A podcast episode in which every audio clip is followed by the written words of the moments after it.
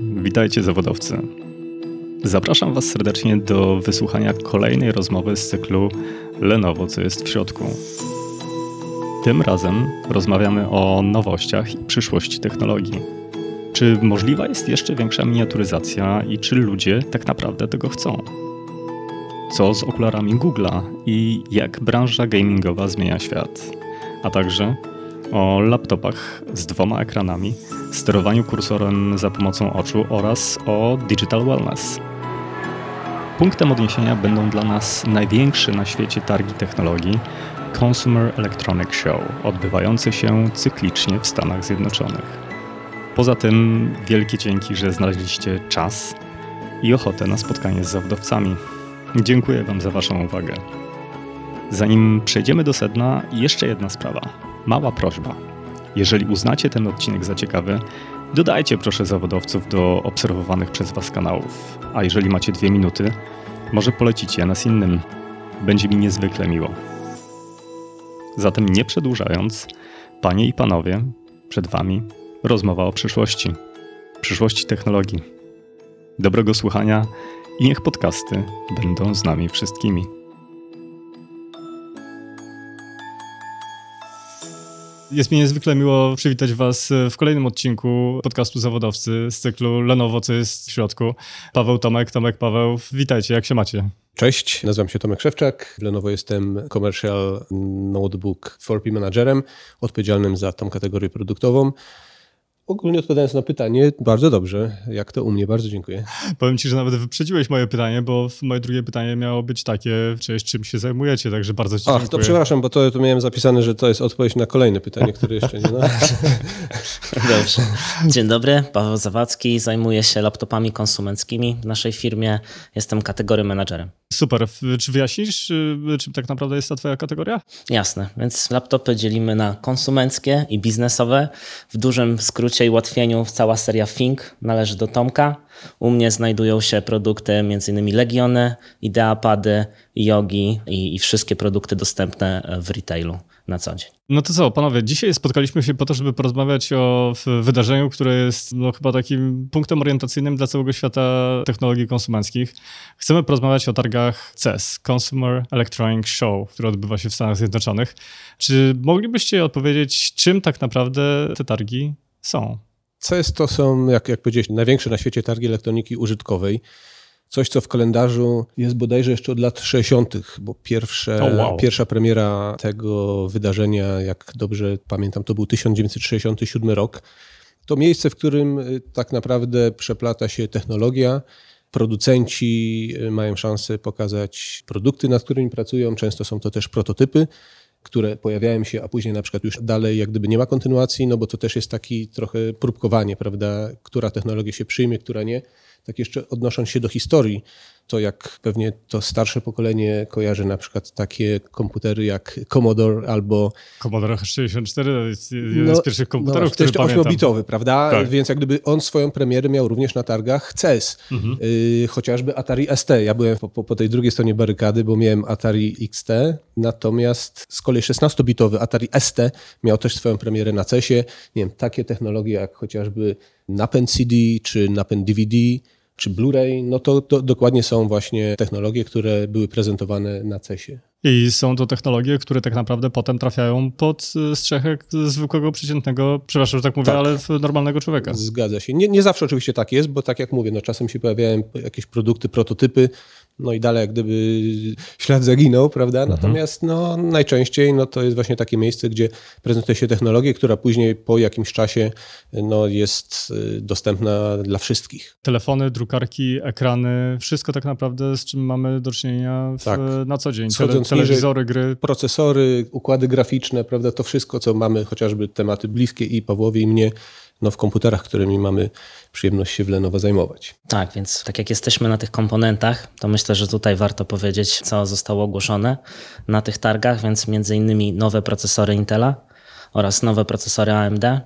które już niedługo, albo nawet już niektóre będą znajdować się na półkach w sklepach. A to Więc... wszystko umożliwi nam korzystanie z gier, które będą wyglądały jeszcze bardziej realnie, w większej rozdzielczości, no e, szybsza grafika i tak dalej. Tak, jasne. Czyli w dużym skrócie szybciej, lepiej i w lepszej rozdzielczości, tak jak powiedziałaś. Czy widać tam teraźniejszość czy przyszłość? Chyba, chyba znam odpowiedź, ale jakie jest wasze wrażenie, jak, jak myślicie o CESie? No najczęściej to są rzeczy, które no to takie są bliskie raczej teraźniejszości, aczkolwiek no, przychodzi mi teraz do głowy przykład chociażby naszego jednego z takich najbardziej innowacyjnych produktów jak ThinkPad X1 Fold, mhm. czyli pierwszy na świecie komputer ze składanym ekranem, który swoją premierę miał w 2020 roku. No ale wcześniej się o nim mówiło 5 lat wcześniej, prawda? Na targach sobie. Dwa, dwa, tak, 2015 rok, wtedy była premiera, no powiedzmy jakieś tam zaprezentowanie prototypu ekranu składanego, prawda? To technologia OLED, bo póki co to jest to jedyna technologia, jeżeli chodzi o matrycę, która pozwala jak gdyby no, uzyskać jakąś tam relatywną giętkość, mhm. prawda? No bo to jest ekran, który po prostu notebook, który po prostu się składa, prawda? Tak. Ekran, który się składa. Więc do tej pory tego typu rozwiązania były obecne, czy tam już dostępne w smartfonach i jak gdyby to nie robiło tam jakiegoś, znaczy no to, to oczywiście było coś niesamowitego, prawda, ale tak. już w smartfonach klienci, użytkownicy to rozwiązanie znali, ale wcześniej w komputerach czegoś takiego nie było, prawda, jak gdyby to też jest jeden z takich przykładów, gdzie Lenovo no, jest firmą nieprawdopodobnie innowacyjną, inwestuje no, bardzo duże pieniądze w badanie i rozwój, no i to, to jest dokładnie efekt tego. To jest chyba dla was właśnie taki gigantyczny wyróżnik, że tak samo jak rozmawialiśmy ostatnio o, o Motorola, wy staracie się wyprzedzać rynek i e, pracujecie nad tymi technologiami jutra w sposób bardzo, bardzo, bardzo intensywny. No to zgadza się, ale no to na tym to polega. Rozmawialiśmy jeszcze chwilę przed, przed wejściem na antenę, jak to się mówi, o konkurencji. Wydaje mi się, że to jest bardzo dobrze mieć taką konkurencję na wysokim poziomie, prawda? Bo to dzięki temu ta walka właśnie technologiczna, mhm. walka o coraz to nowsze rozwiązania, które zaskoczą klienta, no, rozwój właśnie w zakresie innowacji, no to wszystko nabiera jeszcze większego tempa, no ale dzięki temu na koniec korzysta użytkownik, odbiorca końcowy, więc no, to, mhm. to wszystko jest naprawdę fascynujące. No dobrze, a jak zatem może wyglądać nasz świat za, jak patrzycie na to, co jest prezentowane na targach CES, jak zatem może wyglądać świat za 5, 10, no niech chcę mówić 15 lat, bo 15 lat wydaje się być tak odległą perspektywą z punktu widzenia rozwoju technologii, że trudno może być chyba przewidywać teraz, co, co, co będzie się działo za te 15 lat, ale jak moglibyście podzielić się waszymi przemyśleniami, wrażeniami na temat tego, w jaką stronę będzie szła technologia, patrząc na to, co, co dzieje się na CES-ie, to, to co by to było? Tomku, Pawle? No, w sumie tak, raczej to ciekawe pytanie o tyle, że jak powiedzieć o 15 latach, które wydaje się takim odległym e, czasem, no to mi się wydaje, że w naszej branży to 5 lat to jest po prostu przepaść. Jak sobie popatrzymy na chociażby rozwój e-commerce'u mhm. i gdzie byliśmy ogólnie, i to nie mówię nie w Polsce, tym, ale co globalnie. się przez samą pandemię. Dokładnie tak, a to jest przecież raptem co dwa lata temu, prawda? Mhm. Więc e, wydaje mi się, że teraz ten najbliższy czas, no to na pewno będzie należał do jakiejś wirtualnej rzeczywistości, czy sztucznej inteligencji, czy tych wszystkich usług takich, które zresztą jako Lenovo też niesamowicie inwestujemy, bo sprawdziłem sobie wcześniej, w zeszłym roku Lenovo na badania i rozwój przeznaczyło ponad 2,2 miliarda dolarów. O oh, wow. Co jest y, wzrostem w porównaniu do poprzedniego roku 2021 o 16%. Mhm. Natomiast już były zapowiedzi naszego CEO YY'a, E, że na najbliższe 5 lat przeznaczymy ponad 15 miliardów dolarów, czyli no licząc średnio powiedzmy 3 miliardy rocznie, no właśnie na badanie i rozwój. I w szczególności tutaj na kwestie związane z usługami takimi jak e, tam high-tech services, ogólnie mówiąc, prawda, czyli jakaś tam wirtualna rzeczywistość, usługi cloudowe, sztuczna inteligencja, bo widać, że jak gdyby na tym w tym obszarze to teraz będzie odbywała się walka. Hardware, oczywiście ja nie chcę powiedzieć, że hardware jest nieważny, prawda, tak. ale no, obserwujemy wszystko wokół. No, no jakby nie patrzeć, hardware jest, jest bramą do tych wszystkich rozwiązań, do, do przejścia na, na software, który jest. Tak, ale, ale cały taki, tak przynajmniej mi się wydaje, że główny taki customer experience, no to właśnie wynika z tego wszystkiego, co nam daje oprogramowanie, które wykorzystujemy po prostu tak. na danym urządzeniu. Ciężko odpowiedzieć na to pytanie, prawdę mówiąc, co będzie w perspektywie czasu. Nie wiem, Paweł. Tutaj, jak zapytałeś, e, jak widzimy świat za 5-10-15 lat, to tutaj przywołałbym może prawo Mura, które mówi o tym, że liczba tranzystorów w mikroprocesorach od wielu lat podwaja się co około 24 miesiące. Tak. Myślę, że ten temat już też był ostatnio ogrywany bardzo mocno, jeżeli chodzi o AI i o to, jak rozwija się technologia, ale mówimy tutaj o przyroście wykładniczym. Przyrost wykładniczy jest dla nas tak naprawdę niewyobrażalny. Myślę, że tutaj warto przywołać e, szachownicę. To też jest dosyć znany przykład. Jak e, będziemy sobie podwajać co kolejne jakby pole. To, to jest ta historia z, z tym chińskim uczonym z, chińskim i z, uczonym, z, z ryżem. Tak, tak, To, jest, to jest bardzo znana historia, ale myślę, że warto ją przywołać, żeby pokazać, że jak postawimy ziarenko ryżu na pierwszym polu, to na przedostatnim tych ziarenek będzie tyle, że tam potrzeba kilku hektarów, żeby wypełnić to. Więc w takim tempie przyrast ta technologia, jest przyrost technologiczny, zdefiniowany przez różnego rodzaju prawa, jak między innymi te prawo mura, dlatego bardzo trudno wyobrazić sobie i pomyśleć, co będzie za 5, 10, 15 lat. Myślę, że nikt z nas 20 lat temu nie spodziewał się, że będzie miał taki mikrokomputer w kieszeni w postaci telefonu, który wyprzedza te wszystkie systemy, o których mówił wcześniej Tomek, tak? Commodore i tak dalej, to, to już jest e, dawno e, zapomniane, to jest nostalgia, ale no wyprzedzamy Sieć połączenia, już... wszystko bezprzewodowe, dostępne z telefonu, który mamy w kieszeni. Tak, a czy to bardzo ciekawe, co Paweł powiedział, bo moc obliczeniowa dzisiejszych smartfonów jest większa niż takie komputery tam z lat jakichś 70., prawda, które nie wiem, czy określenie ich nazwą superkomputerów jest właściwe, no ale powiedzmy to takie maszyny, które zajmowały tam pół pokoju, prawda? Dokładnie. To też jest niesamowite, jak gdyby miniaturyzacja, no to wszystko daje nieprawdopodobne możliwości, no i to jest samo w sobie, wydaje mi się, I tak bardzo tak naprawdę coś, co mogłoby się wydawać w przyszłości opowieściami science fiction, tak naprawdę staje się naszą codziennością, którą mamy w kieszeni Dokładnie. naszych spodni. Tak, dokładnie. Mówiłeś jeszcze o tych targach. Myślę, że też warto podkreślić, że te targi trochę są na wymarciu już, jeżeli chodzi o format o. sam targów. No bo zobaczmy na przykład, co się dzieje w branży gamingowej targi E3, które były dosyć popularne, nagle dostajemy informację, że są odwołane. To jakby w tym kierunku trochę dąży, że producenci albo wydawcy sami będą organizować sobie takie targi. Nie będzie już targów ogólnodostępnych, powiedzmy, gdzie będą mogli się spotkać wszyscy, tylko będzie to już bardziej ukierunkowane, więc takie targi jak CES albo IFA w Berlinie, myślę, że, że możemy teraz o nich mówić, że są, ale za, za kilka, 5, 10, 15 lat również takich targów już pewnie nie spotkamy, w, w tym, przynajmniej to... w tym formacie, który znamy dzisiaj. To bardzo ciekawe, Paweł, co mówisz, bo też wydaje mi się, że to ma związek z tym, że firmy, brandy, które tworzą chociażby gry, dużo większą wagę zaczynają przywiązywać do budowania communities i w społeczności, które są zainteresowane właśnie rozwiązaniami, grami i tak dalej.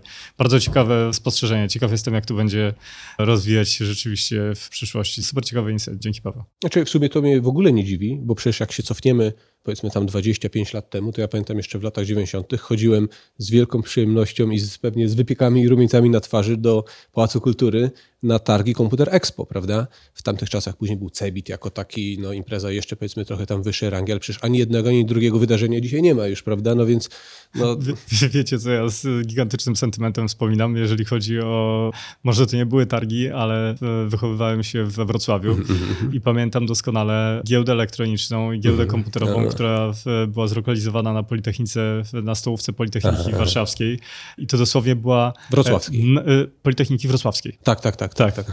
To była mekka ludzi, którzy byli zainteresowani i chcieli robić cokolwiek związanego z, z komputerami, no bo tam mhm. e, można było kupić sprzęt, no ale przede wszystkim, no wstyd się przyznać, ale chyba sprawa się już przedawiła, no e, można było e, kupić gry albo programy. No tak. I zawsze się śmieję, że najgorsza sytuacja, jaką mogłem sobie wyobrazić, zresztą której doświadczyłem raz czy dwa, była taka, że udawałem się na tą giełdę, kupowałem grę, która była zapisana na e, sześciu czy na siedmiu dyskietkach mhm. i po powrocie do domu, kiedy chciałem je, ją mhm. zainstalować, okazywało się, że szósta e, dyskietka była zepsuta. No, popatrzcie, to jest zaledwie no, 25 czy, czy, czy 30 lat, a jak zmieniła się ta, ta perspektywa. Po giełdzie elektronicznej nie ma najmniejszego śladu we Wrocławiu. No to ja jeszcze cofnę się kawałek wcześniej, bo ja z kolei pamiętam, jak poprzez radio, rozgłośnię harcerską były nadawane, powiedzmy, sygnał który zapisywałem na kasetowcu i to była gra komputerowa, prawda? I później w magnetofonie, bo wspomniałem, że miałem Atari 65XE i magnetofon XC12, jak dobrze pamiętam, no to na takim magnetofonie coś takiego odtwarzałem, no i to działało. Już nie mówię o tym, że czasem z bajtka przepisywało się po prostu jakieś tam dwie strony jakichś instrukcji, prawda? Aha. No i to Paweł się patrzy na mnie dziwnie, no ale to tak było. No. Dzisiaj pewnie to... No, no, no dobrze, Paweł Tomek, to, to, to, czego jeszcze nie widać w sklepach, tak jak wam się wydaje? Rozszerzona rzeczywistość, AR, okulary, jak to czujecie? Jak, jak patrzycie na, na CES, na to, jak się rozwija, jak patrzycie i śledzicie różne media, albo wiecie też o projektach, które dzieją się e, u was w Lenovo, czego nie widzimy jeszcze w sklepach, a co za chwilę może się pojawić? AR? Wydaje mi się, że to, co wspomniałeś, że ja z perspektywy mojej działki, czyli takiej czysto komercjalowej, no to wiadomo, że w biznesie trochę to inaczej wygląda, prawda? Tak. Natomiast no ogólnie to, co nas otacza, to o czym się dużo mówi, czyli rzeczywistość wirtualna, to jest wszystko kwestia już myślę niedługiego czasu, gdzie stanie się to czymś powszechnie dostępnym, prawda? Mhm. No i będzie stwarzało pewnie nowe możliwości, jeżeli chodzi o, o biznes, prawda? Więc no nie wiem tutaj, czy z perspektywy Pawła i jego konkretnie działki konsumenckiej on jak gdyby bliżej to widzi, ale no zdecydowanie pewnie jest to mhm. no, przyszłość, bez wątpienia. Paweł? No, myślę, że jeżeli chodzi o trendy, to Metaverse chyba jest obecnie mm. w odwrocie. Naprawdę? jeżeli chodzi o takie trendy, a teraz wszyscy mówią o chat Szczególnie GPT, biorąc tak. pod uwagę ilość zwolnień w, no, no. byłem Facebooku. No tak, tak, nawiązując do nazwy, ale, tak. ale jeżeli chodzi o Metaverse i pokrewne tematy typu kryptowaluty i tak dalej, to jesteśmy myślę, że trochę w odwrocie. Wszyscy skupiają się teraz na najnowszym trendzie, czyli chat GPT i tego typu platformy, więc myślę, że w przyszłości i, i tego, czego mi brakuje jako konsumentowi, to może jeszcze takiej miniaturyzacji tych produktów, czyli jeszcze bardziej miniaturyzacji. miniaturyzacji. Tak, no bo słuchajcie, dzisiaj mamy telefony, dzisiaj mamy zegarki, ale dalej nie mamy tych okularów, o których myślę, że dużo osób marzy. No bo dalej jest to coś, może później możemy iść dalej w soczewki. No, e, słuchajcie, więc... przepraszam, że wejdę ci słowo, właśnie mój znajomy ze Stanów zapostował ostatnio na Twitterze wspomnienie sprzed bodaj chyba 8 lat, 8 lat temu Google zaprezentował właśnie mhm. swoje okulary po raz pierwszy. Tak, no i, no i niestety jeszcze to nie jest tak, tak popularne i myślę, że na takim poziomie, jaki byśmy wszyscy chcieli. E, pytanie pytanie, czy w tej technologii widać robotykę, widać AI? Macie jakieś spostrzeżenia w, w tym temacie? Tak, tak. No, nawet w naszych produktach gamingowych, szczególnie Legion Pro 7, możemy tutaj przywołać, który miał premierę na CESie. Aha. E, mamy zastosowanie AI, mikrochipu, który optymalizuje całe oprogramowanie i system, pomaga przełożyć jakby napięcie i zmaksymalizować czas pracy baterii oraz zmaksymalizować wydajność, co myślę, że tutaj jest kluczowe. Więc dzięki takiemu mikrochipowi i naszej unikalnej technologii z tych wszystkich podzespołów, które mamy wewnątrz, możemy jeszcze wycisnąć więcej mocy i więcej wydajności. Mhm. Więc coraz więcej tego typu zastosowań będziemy mieli w naszym oprogramowaniu, w naszych systemach, w naszych produktach, bo teraz mamy to w Legionie Pro 7, Natomiast sukcesywnie pewnie ta technologia będzie rozwijana, no i będzie schodzić też do tych niższych segmentów przyszłości, więc, więc to jest na pewno jakiś kierunek. Czyli... Powiesz segmenty przyszłości, nazwiesz je? Segmenty w przyszłości, mówię o jakby niższych maszynach, czyli bardziej mhm. takich dostępnych, ogólnodostępnych, okay. niższych Myślałem, segmentach że, że cenowych. nowe nazewnictwo i nowa kategoria nie, nie, nie, nie, nie, nie, nie, nie, nie, nie mamy jeszcze czegoś takiego. Natomiast tak, myślę, że ta robotyka i AI będzie jak najbardziej rozszerzany, no bo, no bo mhm. tak, to jakaś unikalna cecha.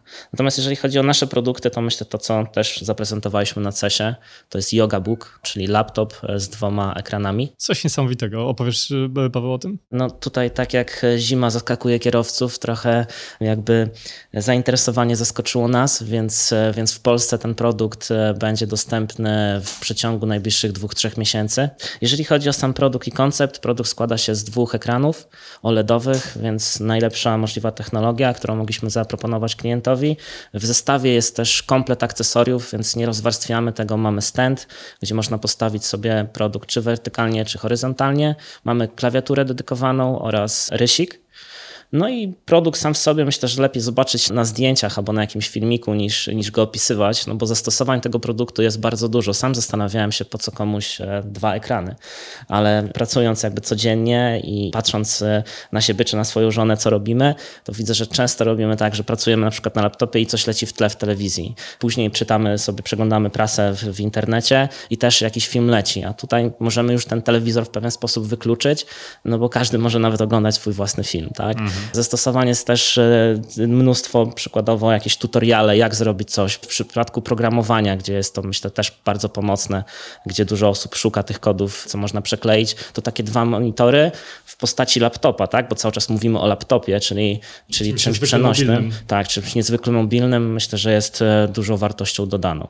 Nie musimy rozstawiać dodatkowych monitorów, tylko po prostu rozkładamy nasz sprzęt, mhm. który jest przenośny, e, mobilny i możemy pracować na dwóch osobnych monitorach ekranach. Ja, Tomku, chciałbyś coś dodać? No to w sumie tutaj trochę wątków było poruszanych, ale mówiąc o sztucznej inteligencji, no to chociażby patrząc na technologię samych procesorów, no to przecież jak nie mylę się, to poprzednia już generacja procesorów Intela Alder Lake, tam już też są pewne instrukcje, które sprawiają, że system, patrząc jakie konkretnie użytkownik wykonuje zadania, no to alokuje je do korów takich efficiency, prawda, które jak gdyby sobie spokojnie, efektywnie z tym zadaniem y, poradzą, a to, co wymaga większej mocy obliczeniowej, to jak gdyby wędruje do korów tych performance core, mm. prawda, więc jak gdyby to już też na poziomie samego procesora widać, że te zadania są rozdzielane i jak gdyby właśnie dzięki algorytmom, które no jakoś wcześniej zostały zdefiniowane, no tak. i użytkownik w sumie przy takiej swojej codziennej pracy tego nie, nie zauważa, chociaż no zauważa w postaci na przykład, o, ale ma fajną, wydajną maszynę, prawda, ale co tam już tam pod spodem jest i jak to, czym to się je, no to już są takie rzeczy, w sumie, które ja czysto patrzę tak użytkowo, no mnie to nie interesuje jako z perspektywy użytkownika, mam mieć urządzenie, które będzie niezawodne, prawda, które będzie wydajne, wytrzymałe, no i na tym to ma polegać. Tak rozmawiamy. Myślałem, żeby zadać wam pytanie, czy te technologie, które są widoczne na CES-ie wpływają w jakikolwiek sposób na Polskę, ale chyba odpowiadam sobie sam na to pytanie ten przepływ technologii jest tak naprawdę już globalny. Nie ma takiej sytuacji, że jesteśmy gdzieś na marginesie technologicznym, tylko tak naprawdę wszystkie te rozwiązania, tak jak mówisz, Yoga Book będzie dostępny za 2 czy 3 miesiące w Polsce tak samo jak w innych krajach na świecie. Chyba jesteśmy po prostu już na co dzień z technologiami wszystkimi najnowszymi. Oczywiście, tutaj już nie ma jakiegoś takiego przesunięcia. Zresztą patrząc z perspektywy moich produktów, to Polska jest y, w takim, powiedzmy, w pierwszej grupie krajów, gdzie te nowości się pojawiają. I, i Paweł jesteśmy dużym o... krajem tak samo. Oczywiście, że tak. I patrząc jak gdyby tutaj na region EMEA, no to, to jesteśmy naprawdę graczem, gdzie jak gdyby ten poziom biznesu mhm. zdecydowanie jest zauważalny dla gdzieś tam dla naszych menadżerów wyżej. Mówiąc jeszcze o CESie i o premierach z kolei z mojej działki, z działki notebooków biznesowych, no to nie sposób nie powiedzieć o naszym flagowcu, czyli ThinkPadzie X1 Carbon 11 generacji. Uwaga, w sumie 30-lecie ThinkPada. 300-lecie ThinkPada, tak, to świętowaliśmy w zeszłym roku, w październiku 2022 roku i w sumie mówiąc o karbonie, no to mogę się w sumie z wielką dumą pochwalić. Korzystam na co dzień z takiego specjalnego egzemplarza, to jest jeszcze ThinkPad X1 Carbon 10 generacji, czyli mm -hmm. jak gdyby model z 2022 roku, ale specjalna edycja właśnie na 30-lecie marki ThinkPad. No i tutaj widać, że ten notebook no, wyróżnia się kilkoma takimi cechami, które odróżniają jego od takiego klasycznego ThinkPad X1 Carbon 10 generacji, czyli kolorowe logo, jeżeli tak, tak. można nazwać, RGB, prawda, czyli nawiązujące jak gdyby do tego klasycznego jeszcze z czasów IBM-a. No tutaj jakieś specjalne grawerowanie 30th Anniversary Edition. Takich notebooków jest 5000 na całym świecie, no, mhm. no, w Polsce tylko 100. Ten mój egzemplarz to jest 1940 egzemplarz z 5000. No, przepiękne rozwiązanie, no, można byłoby no, mówić o nim bardzo długo. Natomiast wracam do 11 edycji, no, do 11 generacji Carbona, która swoją premierę miała właśnie na targach CES w styczniu z Las Vegas, no to jest rozwiązanie, które już mamy fizycznie dostępne w dystrybucji, prawda? Czyli mhm. poprzez sieć naszych partnerów handlowych klient końcowy może to już dzisiaj zakupić, więc można powiedzieć premiera raptem kilka miesięcy temu i już produkt jest dostępny fizycznie dla użytkownika końcowego. W naszym pięknym kraju. Co jeszcze ciekawego, kraju. panowie? Jakie produkty pojawiły się na rynku i czym tak naprawdę wyróżniacie się? To ja może kontynuując ten wątek, to ogólnie no, marka ThinkPad to jest y, marka, która jest na rynku już od ponad 30 lat. To w ogóle jest niesamowita historia, bo za tym wszystkim się kryje nie dość, że kawał historii, e, no to jeszcze dowód na to, jak Lenovo jest nieprawdopodobnie innowacyjną marką. 30 lat temu notebook, przenośny komputer to To była naprawdę rzecz wyjątkowa. No to ja tak krótko mogę tylko przypomnieć chociażby ThinkPada 700C, który swoją premierę miał właśnie w 1992 roku, w październiku. Mhm. Przekątna 10,1 cala, ale kolorowy ekran, co jak na tamte czasy to było no, czymś naprawdę no, niesamowitym wyróżnikiem. No i w ogóle to, to był niesamowity sukces sprzedażowy, bo przez w pierwszym miesiącu y, sprzedało się 100 tysięcy sztuk tej maszyny. I w ogóle z takich ciekawostek to ówczesny prezydent George W. Bush dla swojej małżonki, dla pierwszej damy Laury Bush, postanowił taki notebook sprezentować przy okazji gwiazdki. Aha. No ale oczywiście w związku z tym, co chwilę temu powiedziałem, że to wielki sukces sprzedażowy, no to po prostu nigdzie tego nie było dostępnego. No i Nawet dla prezydenta. Tak, i skontaktował się z ówczesnym szefem IBM-a, no i jakoś tam udało się w jakiś pewnie niestandardowy sposób taki Aha. jeden egzemplarz zorganizować, więc e, to był 92 rok, prawda? Ale patrząc jak gdyby później na historię, to nie wiem, po raz pierwszy, już dzisiaj powiedzmy napędy optyczne, no nie wiem jak u, u Pawła to już pewnie już od kilku lat, prawda? No ale u mnie też w portfelu już nie ma żadnego notebooka z budowanym napędem Napędy optycznym. optyczne, czyli wyjaśnimy CDs. No CD czy DVD, prawda, czy tam nagrywarka, prawda? Natomiast właśnie w 94 roku pierwszym na świecie notebookiem, który miał wbudowany napęd CD, to mhm. był ThinkPad 755 Dzisiaj już nie ma czegoś takiego jak napęd optyczny, ale przez dobre kilkadziesiąt, no można tak powiedzieć, lat, prawda? Korzystało się z, Korzystaliśmy, prawda? I, z, z płyt CD, a później Oczywiście DVD. i jakby nie było, to, to było jedno z podstawowych kryteriów, które użytkownicy po prostu określali przy, przy wyborze sprzętu. Mhm. No nie wiem jak u Pawła, ale ja miałem taki dylemat, jak mieliśmy jakieś takie wewnętrzne dyskusje kilka lat temu. Ok, od przyszłego roku w portfolio usuwamy napęd optyczny na przykład z takich i takich modeli notebooków, bo trzeba też pokazać szerszą perspektywę. To, że napęd optyczny był budowany w notebooku, no gdzieś tam w pewnym stopniu ograniczało samą konstrukcję, prawda? No, czyli nie no, mogliśmy no, robić super slimowych większe, czy takich tak. smukłych notebooków, prawda? No bo po prostu ten napęd optyczny ma jakieś swoje określone wymiary, no i jak gdyby tego się nie przeskoczy, prawda? Tak. I pamiętam nasze obawy, prawda? O kurczę, jak to teraz już usuwamy napęd optyczny, a jeżeli nagle okaże się, że przestanie się to sprzedawać, prawda, tego typu rzeczy, no pewnie Paweł miał dokładnie takie same e, dylematy. Tak, tylko jak mówisz o tych napędach optycznych, to przypomniała mi się pewna historia, akurat to nie była nasza historia, ale jeden z producentów chciał wycofać kamerki internetowe w laptopach. O. No i COVID go od tego roku? skutecznie odwiódł, tak? No to było około 5-4 lat temu, właśnie Naprawdę? przed COVID-em. No tak. to odważne. To więc, więc, bardzo odważne. Dziwne. No. Więc, e, więc chyba w końcu mu to się nie udało, no ale, no, to chyba dobrze, ale jako taka ciekawostka z rynku, to trzeba być zawsze ostrożnym, analizując i konfigurując te produkty, tak. żeby nie skasować czegoś, co na pozór wydaje się nieistotne, a może stać się jakby game changerem. Ale to, prawdę mówiąc, to ciekawy wątek, bo kamery takie wbudowane w notebooku, no to chociażby teraz znowu wracam do mojego portfolio, no teraz większość kamer, które tam mam, oczywiście to są kamery tam no co najmniej Full HD, ale też i 5 megapikselowe i oczywiście kamery na podczerwień, mhm. właśnie, czyli Windows Hello technologię. Użytkownik jak gdyby może mieć tutaj wsparcie w takiej codziennej pracy no to dają, no właśnie teraz znowu wracam do dyskusji, którą mieliśmy jeszcze przed nagraniem, prawda?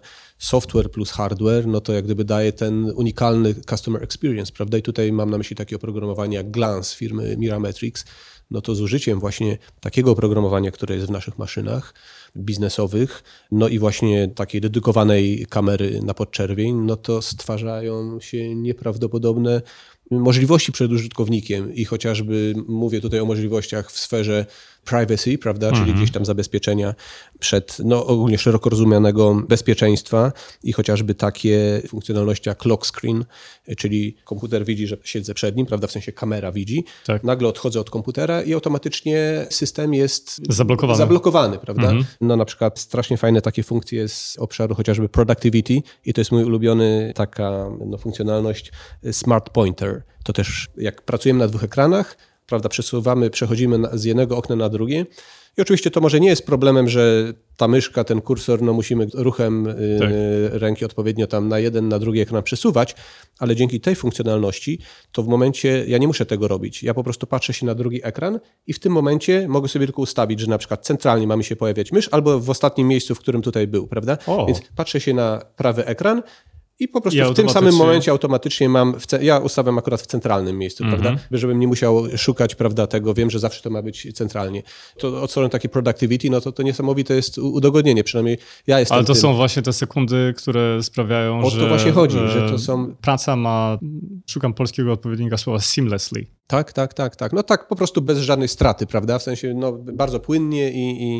i, i Jeszcze tylko dodam, że też mamy zastosowanie tego typu technologii z wykorzystaniem kamery w laptopach konsumenckich, mhm. no bo przykładowo w laptopach gamingowych mamy taką funkcję, która się tutaj nazywa Tobii Eye Tracker, i polega ona na tym, że w niektórych grach, które wspierają tę technologię, możemy gałkami ocznymi przesuwać sobie ekran. Czyli przykładowo gramy w jakąś strzelankę, przesuwamy oczy w prawo mm -hmm. i mhm. kamera przesuwa się w prawo. I oczy e, tak naprawdę stanowią Są trzecią pewien, rękę. Tak, tak, w pewien sposób kursorem. Więc to jest też a propos kamerek i a propos wykorzystania tego w, w różnych dziedzinach, nie tylko w, w ramach bezpieczeństwa, tak? bo też mm -hmm. o mhm. tym, co, o czym mówił Tomek, no to kamery potrafią wykryć, czy ktoś nie spogląda nam przez ramię na nasz ekran i też go zablokować albo poinformować mhm. nas o tym, że uważaj, ktoś podgląda to, co dziś teraz przed chwilą robisz, tak? Więc, więc jest dużo zastosowań. No i też oczywiście wspiera to wszystko AI. Mało tego też, o ile dobrze się orientuję, pracujecie bardzo mocno nad swoim bezpośrednim kanałem sprzedaży, prawda? Elenowo.pl. Tak, tak. No to jest to nowość i to jest śpiew przyszłości, więc jak mówiłeś o 5, 10, 15 latach, tak? Mhm. Skupiamy się tam na razie na różnych rozwiązaniach serwisowych, czyli klient po zakupie produktu może kupić rozszerzenie gwarancji, może kupić taką ciekawą funkcję jak Accidental Damage Protection, czyli tak jakby przywołując to najłatwiej to jest do dronów Czyli jeżeli zniszczymy produkt, nie wiem, upadnie nam, zalejemy go, przychodzimy do Lenovo z takim produktem i my go zwracamy. Więc jest to na pewno ciekawe rozwiązanie dla osób, które często podróżują które są ciągle w ruchu. Więc tak, Elenowo jak najbardziej, ale to tak jak mówię, to jest dopiero raczkujący projekt e, i, i to jest bardziej śpiew przyszłości. Niedawno dopiero ta strona miała swoją premierę, więc e, sukcesywnie będziemy ją rozwijać. Mm. Pawle, gaming to też jest grupa i dział rynku, który jest e, bardzo mocno przez Was upodobany. Tak, tak. Polska jest największym rynkiem gamingowym w Europie, oh, wow. jeżeli chodzi o laptopy konsumenckie. Oczywiście trzeba to wydzielić. Mamy jeszcze laptopy stacjonarne, mamy jeszcze rynek konsol i tak dalej. Natomiast w przypadku laptopów konsumenckich Polska jest największym rynkiem w Europie. Laptopy konsumenckie, gamingowe, no to przez GFK, no bo to było ich badanie tak naprawdę, to są laptopy, które są wyposażone w kartę graficzną. Czyli jeżeli mamy kartę graficzną od, od najniższej wersji, to już kwalifikujemy go jako laptop gamingowy lub wspierający gaming. Mhm. Wiedząc też o tym, nasza firma przykłada dużą uwagę oczywiście do, do te, tego segmentu rynku. Mamy tutaj naszą kategorię Legion, tak, rozpoznawalną. Jest to jedna z najbardziej rozpoznawalnych marek gamingowych na świecie. No i też jeszcze wracając do rozmowy o CESie, to również tam zaprezentowaliśmy nowy laptop Legion Pro 7 czyli nasz najnowszy gaming. I tutaj też chyba dużo się dzieje ostatnio, prawda? Jeżeli chodzi o gaming, wprowadziliśmy nową platformę, która zastąpi obecny IdeaPad Gaming. Nowa platforma nazywa się LOQ i jest skierowana do bardziej szerszego grona odbiorców. No bo oczywiście Legiony pozostają dalej w naszym portfolio i to jest jakby ten diament w koronie. Natomiast, żeby dotrzeć do szerszej grupy odbiorców, dotychczas mieliśmy serię o nazwie IdeaPad Gaming, i od tego roku będziemy przechodzić na tą nową o nazwie LOQ. Powód zmiany to tak naprawdę fakt, że chcemy to rozdzielić świadomości klienta, jakie produkty są gamingowe, jakie są niegamingowe i ta pierwsza część nazwy IdeaPad mogła wprowadzać pewnego rodzaju zamieszanie. Mhm. Więc przy nowym nazewnictwie, przy nowej platformie LOQ to będzie jakby jasny podział, co jest produktem gamingowym, w bardziej przystępnej cenie, co jest produktem gamingowym premium, czyli Legion, a co jest produktem niegamingowym. Dodatkowo w tej platformie wprowadzamy też nowy standard, jeżeli chodzi o gwarancję. Domyślnie wszystkie produkty na platformie LOQ będą wyposażone w trzyletnią gwarancję. Więc to jest jakby coś nowego, co będziemy wprowadzać i też jako ciekawostkę też będziemy to rozszerzać w przyszłości na nowe produkty konsumenckie, bo w nowych produktach konsumenckich IdeaPad Slim 3 i IdeaPad Slim 5 również będzie wyposażony w trzyletnią gwarancję jako domyślny. Właśnie to jest fascynujące, że jak gdyby patrząc w przód, z jednej strony ciężko gdzieś tam przewidzieć, bo to wszystko tak się dynamicznie zmienia, że, że no, ja bym się chyba nie podjął gdzieś tam określić jakichś takich kamieni milowych czy jakichś przełomowych rzeczy, które są jeszcze przed nami, tak. ale na pewno ten postęp to wszystko jeszcze bardziej przyspiesza. I widać, że, jak gdyby, mhm. że, że to nie tylko będzie sam hardware, ale wręcz nawet e, te wszystkie no nazwijmy to hasła, o których rozmawialiśmy tutaj, wracając chociażby do sztucznej inteligencji, jakichś innych rzeczy, tak. to to wszystko sprawi, że te produkty, te całe rozwiązania, może bardziej tak, to, to jest bardziej fortunne określenie, z perspektywy użytkownika będzie jeszcze bardziej funkcjonalne, jeszcze bardziej przydatne w takiej codziennej pracy. Pawle, chciałeś coś dodać jeszcze? Tak jak rozmawiamy o tych komponentach i o tych procesorach, dyskach, e, kościach RAM, to tak naprawdę te wszystkie podzespoły są ogólnodostępne na rynku. Więc myślę, że warto podkreślić to, co nas wyróżnia Lenovo i dlaczego klient wchodząc do sklepu powinien wybrać produkt Lenovo. Więc jeżeli chodzi o produkty gamingowe, to przede wszystkim system chłodzenia, czyli nasz unikalny system, który nazywa się Cold Front, jest to też opatentowana nazwa, występująca między innymi w Legionie, ponieważ przy takim dużym natężeniu użytkowania produktu, typu gry, jakieś e, obrabianie filmów, obrabianie grafiki, no oczywiście te, jakby te komponenty wszystkie się grzeją. Natomiast e, dzięki zastosowaniu naszej unikalnej technologii, ten komfort pracy jest e, znacznie lepszy i, i ten system chłodzenia, tak jakby mówiąc kolokwialnie, zaczyna wyrabiać, tak? Więc, więc nie ma overclockingu, nie ma jakby zamykania się aplikacji, system sam się nie wyłączy, tylko ten nasz system pozwoli, aby pracować na naj, naprawdę na maksimum wydajności tych wszystkich komponentów. Mamy też oprogramowanie Lenovo, Lenovo Vantage na przykład, który pozwala jakby podglądać, jak laptop funkcjonuje na co dzień.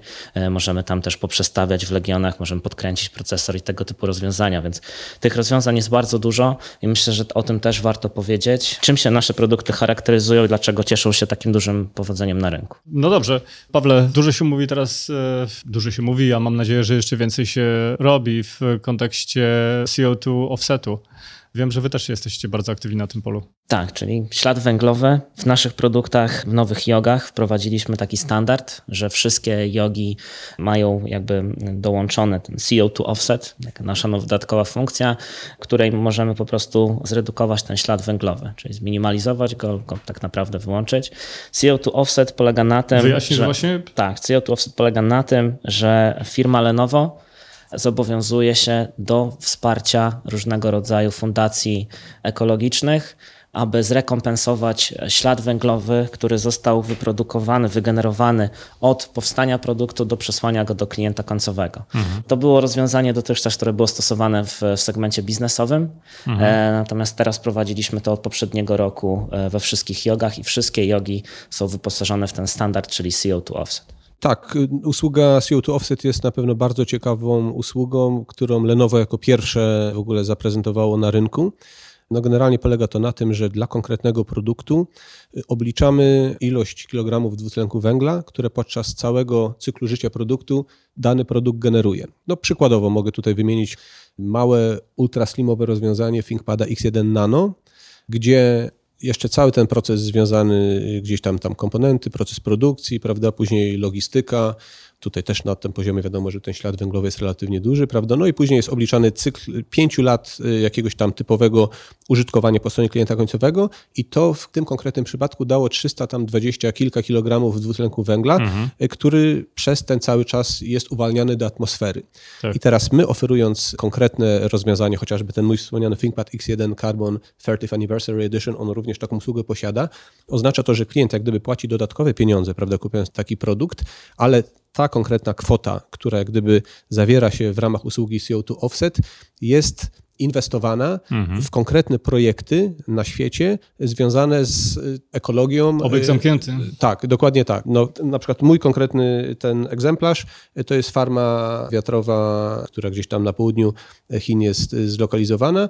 No i po prostu tak. przy zakupie tego konkretnego rozwiązania. Wiesz, że dokładasz cegiełkę do tego, żeby żyło się bezpiecznie tak. i żeby środowisko było odpowiednio zadbane. Zgadza się. I jak gdyby to jest coś, co my tutaj lokalnie staramy się bardzo bardzo mocno promować. W takich krajach jak kraje nordyckie, no to w ogóle to w obecnych czasach każdy produkt, który tam jest oferowany, każdy ThinkPad, no to CO2 offset posiada. My jak gdyby też w tą stronę idziemy, bo widać, że jak gdyby ta świadomość po stronie tutaj użytkowników w Polsce również się zmienia i też ktoś, kto wydaje pieniądze, to jak gdyby chce zainwestować je w firmę, która poważnie bierze sobie do serca kwestie związane z ochroną środowiska. No, no to my jesteśmy tutaj gośćmi, prawda, a nie tak. odwrotnie, prawda, chociaż czasem chyba zapominamy, niektórzy przynajmniej. Pawle, Tomku, Tomku, Pawle, e, serdeczne dzięki za dzisiejsze spotkanie, za dzisiejszą rozmowę i niech w takim razie technologia będzie z nami wszystkimi. Bardzo dziękuję. Dziękuję bardzo. Pomysł serii produkcja Karol Stryja. Scenariusz, realizacja, montaż i udźwiękowienie Michał Kukawski. Zdjęcia Mariusz Wilka. Wideo Jan Toruński.